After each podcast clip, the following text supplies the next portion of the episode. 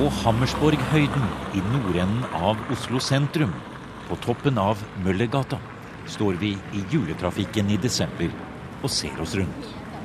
Og så her borte har vi vel en av disse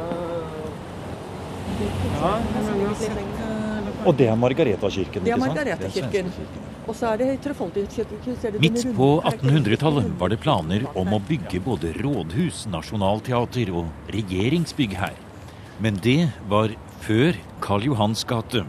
Og selv om både St. Olavs katolske domkirke, Johanneskirken og Trefoldighetskirken ligger i dette området, med den nedlagte Kristkirkegården fra 1600-tallet som en liten park mellom kontorblokkene, er det en annen liten historisk oase vi skal besøke.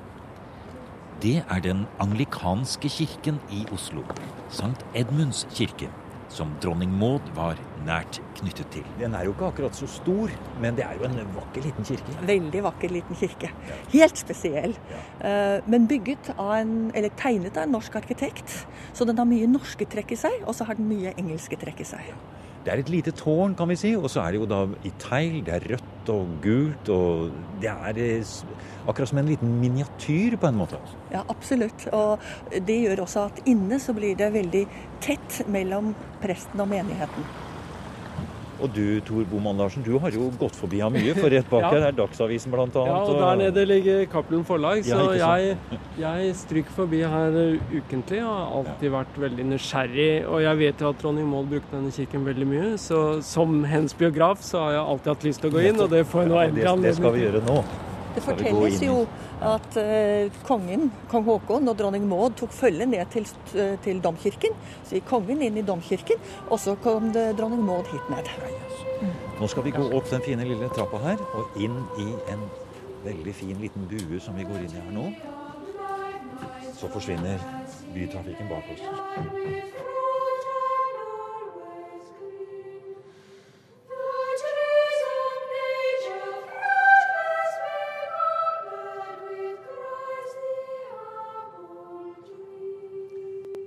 St. Edmunds kirke i Oslo har sitt eget kor, men her har vi lånt fra koret i Westminster Abbey, som synger tradisjonelle lessons and carols, som er en viktig del av julefeiringen i den anglikanske kirken.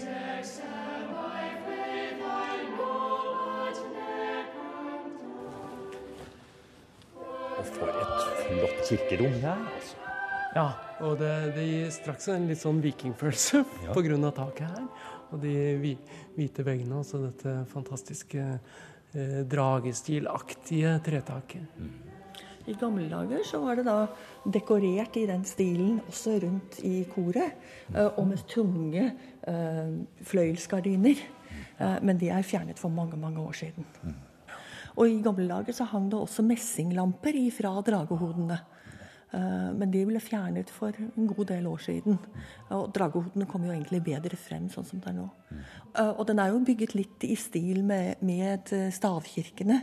eh, Sånn at det norske norske styrer igjennom veldig mye i bygningen.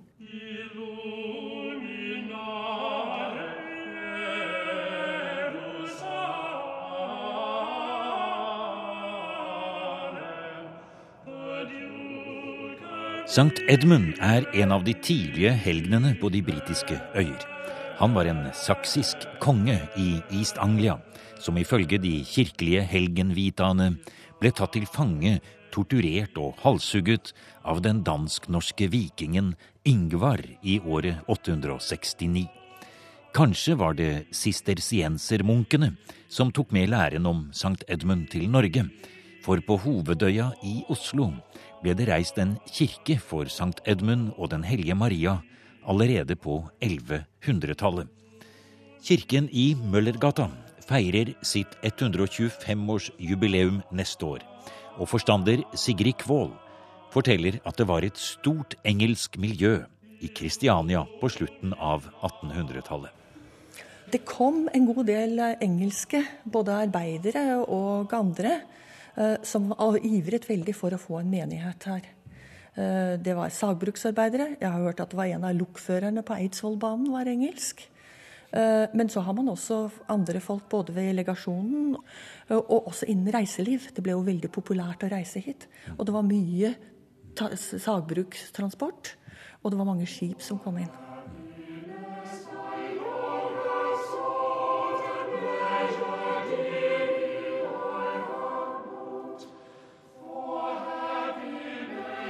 I dag er St. Edmunds en moderne kirke med mange nasjoner representert i sin menighet. Men fortsatt er det én bestemt person som preger dette kirkerommet og menighetens historie.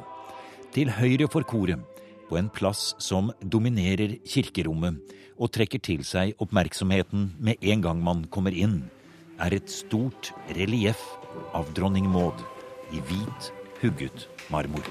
Ja, det kunne vært en helgen, eller en bibelsk skikkelse, men det er altså en, en norsk dronning. Her i vintermørket så kommer det enda tydeligere frem i det elektriske lyset enn det gjør på søndagene når det er eh, dagslys ute. Vi går bort og ser litt på dronning Maud her.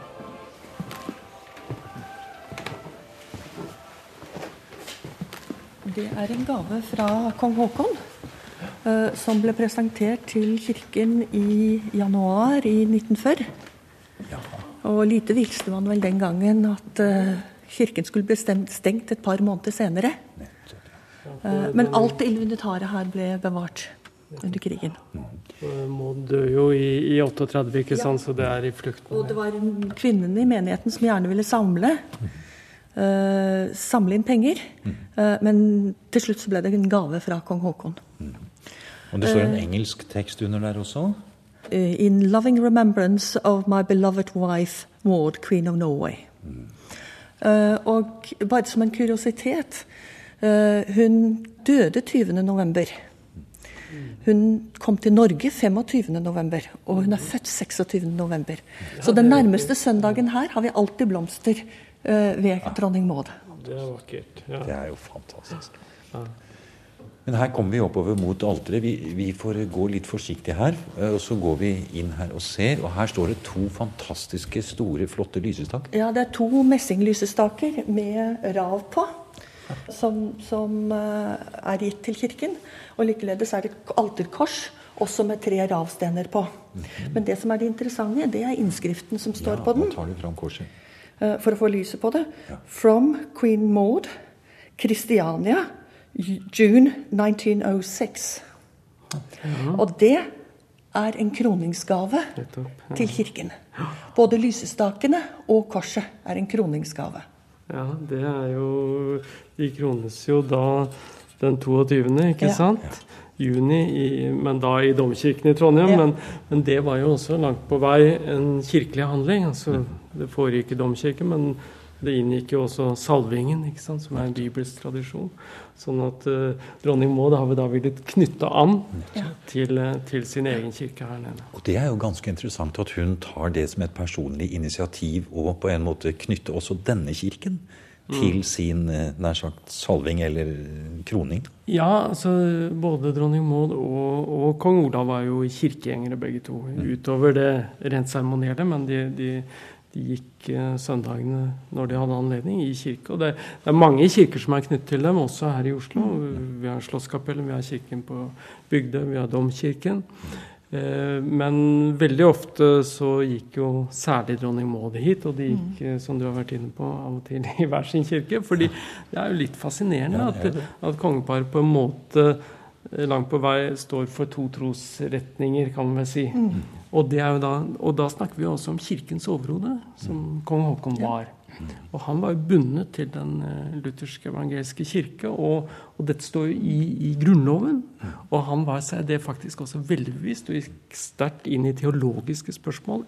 Hans første politiske handling var egentlig å forsøke å forhindre utnevnelsen av professor Ording til professor ved, ved, universitetet, og så fikk vi spliden med Menighetsfakultetet osv. Og, så og da sier han til eh, Mikkelsen den gangen, dette var faktisk en intern strid i regjeringen, eh, at, eh, at jo, Ording er sikkert en god kristen, men hans lære er ikke lutheransk. Og derfor kan jeg ikke utpeke han. Og så sa Miksen det skal ikke de bry dem om, Deres Majestet. Det er vi som peker ut, ut, ut professorer her.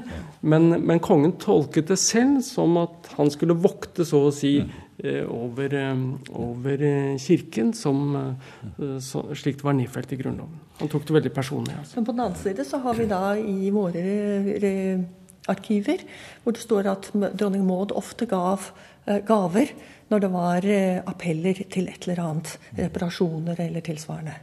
Så hun var aktiv hele tiden her. Og, og, resten blir vel spekulasjoner, men eh, dette var på et språk som hun var vant til. Det var kjent musikk for henne. Ja, det er klart. altså Dronning Maud var jo britisk. Hun var britisk. Ja. he, he, he, hele tiden. Og hun hadde jo også en, et britisk miljø rundt seg her i Norge. F.eks. dette med, med, med gesandtskapet eller ambassaden, som jo var betydelig, og som dannet en krets rundt henne. altså med med, med den engelske minister og i, i, flere generasjoner, nær sagt. Men også på Slottet i seg selv, vel? Med bl.a. Eh, barnepiker for Olav? Og... Jo, eh, barnepiker og, og, og kammerpiker. Og ute på bygda hadde jo britiske gartnere, f.eks. Ja, men de to siste kammerpikene var jo her hele tiden. Violet Wand og uh, Hilda Cooper. Ja, og uh, Violet Wand uh, døde på midten av 90-tallet. Eh, så de, de gikk her, altså? De var her hver søndag. Ja, de førte på en måte dronning Mauds eh, kirkelige ja. tradisjon ja. videre, da? Ja. Og, og, det var også sånn at når det var jul, så fikk vi alltid beskjed om å reise til Slottet og hente blomster, slik at vi kunne pynte kirken. Uh, og det var fra kongen. Og Hvordan, det var fra kong Olav. Spørsmål der, ja, nettopp. altså mm. Kong Olav hadde jo også en sterk britisk tilknytning. Var han også en hyppig gjest her? Uh, nei, uh, han har vært her ved spesielle anledninger. Ja. Uh, og alltid de første årene så var han her til minnegudstjenesten over de falne. Annen søndag i november. Enten her eller når det ble arrangert i Frogner kirke, for denne kirken ble litt for liten etter krigen. Men de siste årene så var han da i England sammen med kongefamilien. Ja, Når du nevner krigen, så har jeg sett fra mellomkrigstiden. Når det var jo hyppig britiske flåtebesøk etter og før eh, den første verdenskrig. Og de besøkte oss, denne kirken. Så jeg har sett de har marsjert da med store marineorkestre nedover Møllergata. Og, og, alle offiserene kommer da herfra, fra, kirken. sånn at uh, det var også en hyppig bruk. Ja, og det ser man også tydelig av notatene som har gjort at uh, en av grunnene til at de gjerne ville ha en større kirke, var at man kunne få flere inn ved slike anledninger.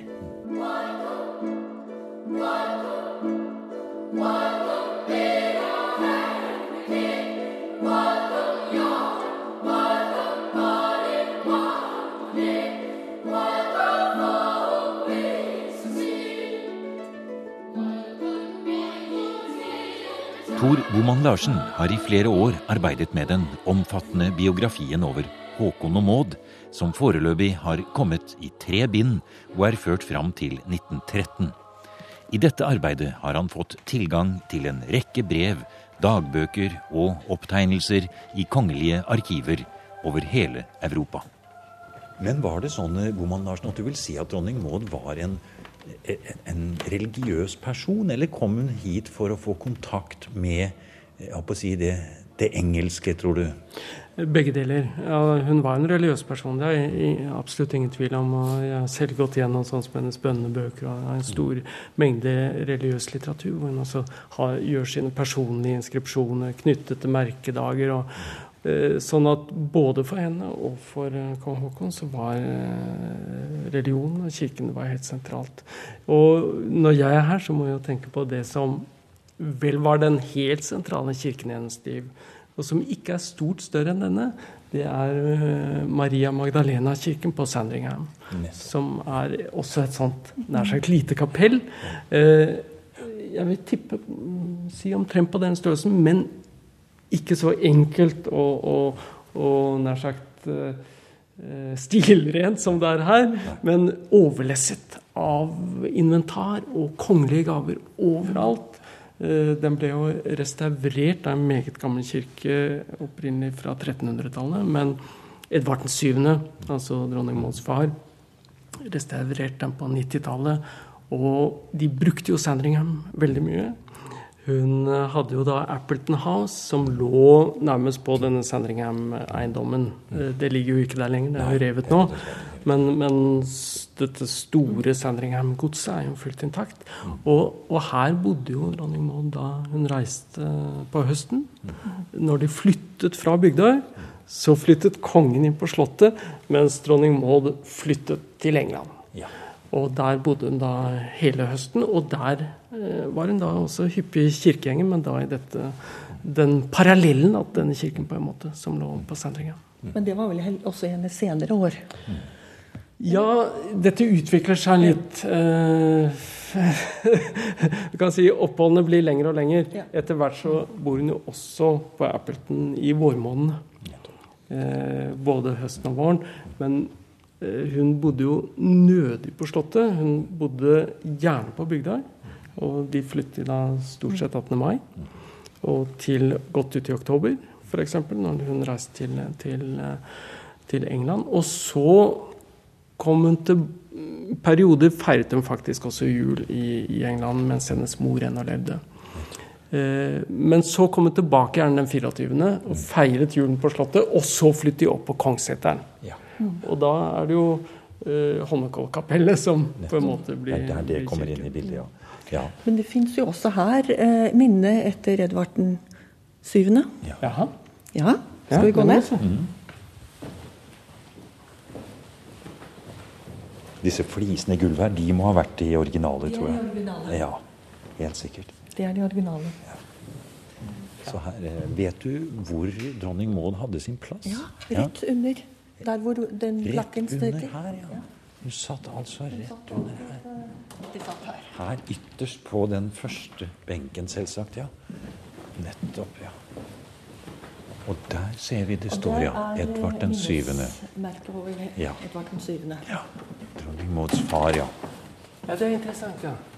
Eh, Edvard den syvende, in loving memory to my beloved father. Nettopp. Og det er From his devoted daughter, Maud, ja. Riktig. Og så kommer dødsdagen. 6. mai 1910.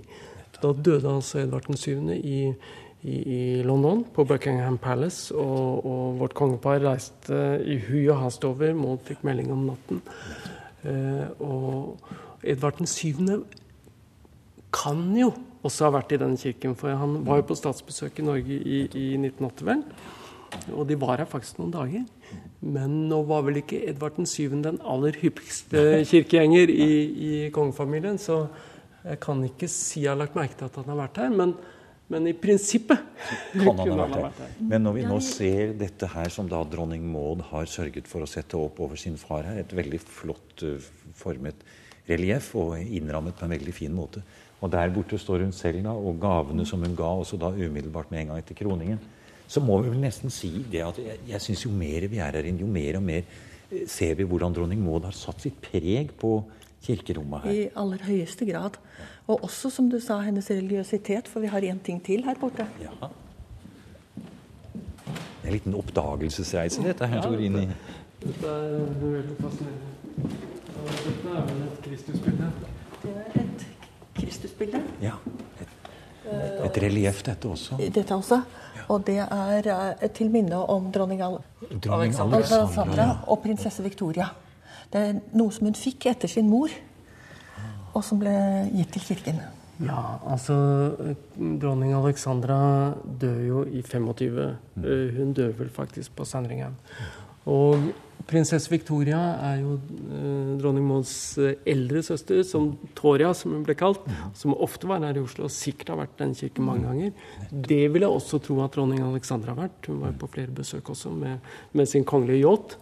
Men, og hun, eh, altså Victoria dør jo også før Maud. Eh, året før, vel.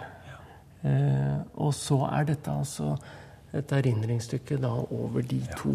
Men når det gjelder akkurat dronning Maud, så det er klart at uh, hun insisterte på en måte på, fra dag én, allerede før de kom til Norge, på å være privat, og vil si å være britisk. Altså, hun var veldig, veldig eh, insisterende på å være seg selv.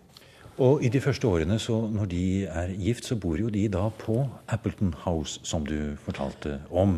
Og det var vel kanskje der og i København, da. Ja. Men var, også der hadde man jo dette skillet mellom hvor Maud ville være. For hun likte seg vel ikke så veldig godt i København heller? Nei, hun, nei der begynte jo dette. fordi eh, for den danske kongefamilien Hun ble jo da prinsesse av Danmark når hun giftet seg med, med den danske kongesønnen prins Karl.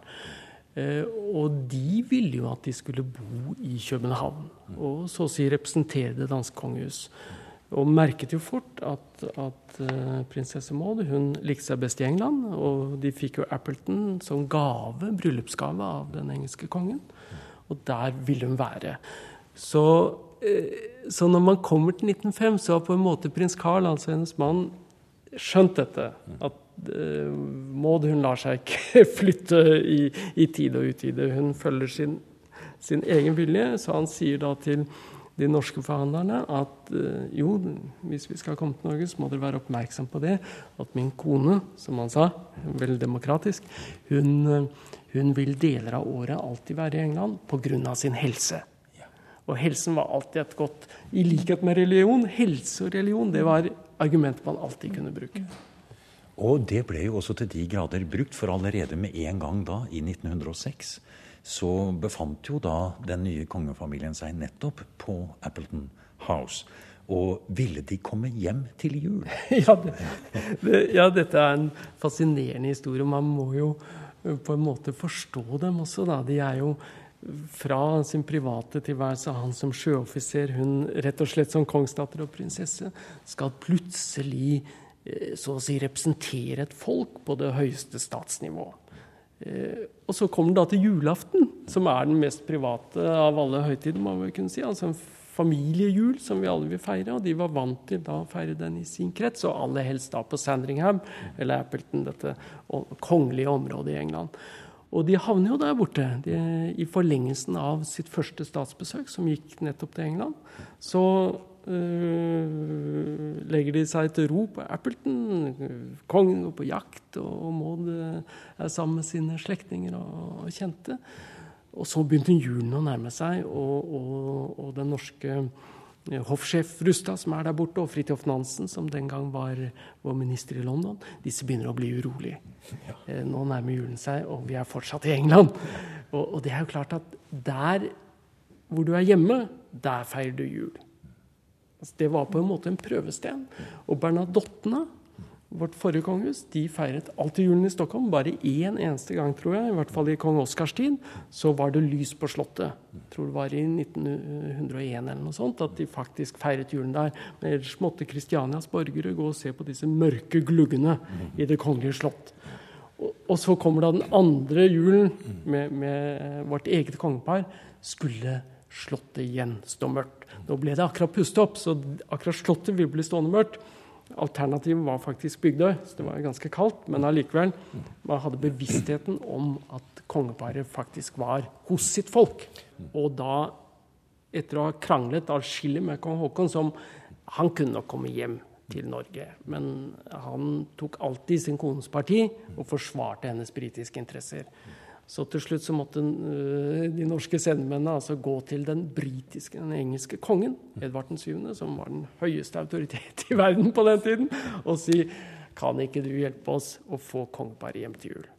Og han beordret da sin datter hjem til Kristiania. Og de kom hjem, og dermed var tronen så å si reddet. Fordi det hadde vært en forferdelig, eh, en forferdelig nedtur for det norske folk å se at oi, de ble i England. Vi var ikke bra nok, ikke sant.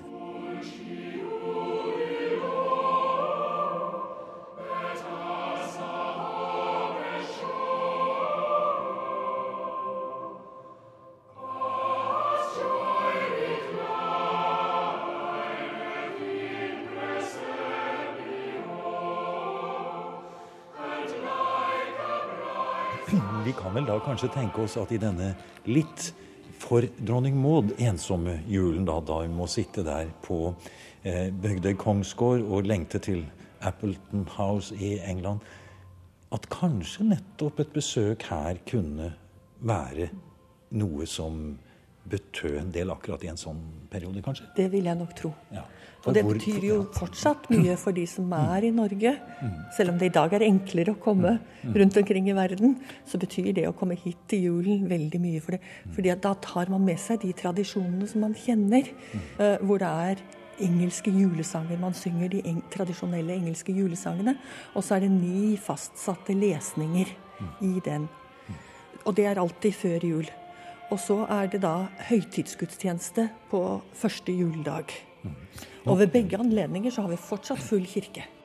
Og jeg må si, men tenk på dette at de tvang henne hit. Og, og når vi står i den lille kirken, så må vi ikke glemme at, at uh, Storbritannia også, det var en stormakt. Ikke sant? Og hun kom fra en stormakt. Så det var ikke bare å tvinge en britisk kongsdatter til Norge. Og, og, og når hun satt her i en liten Riktignok et eh, veldig beskjedent kirkerom på mange måter, selv om det er høyt under taket, så, så hadde hun bevisstheten at hun var en del av imperiet.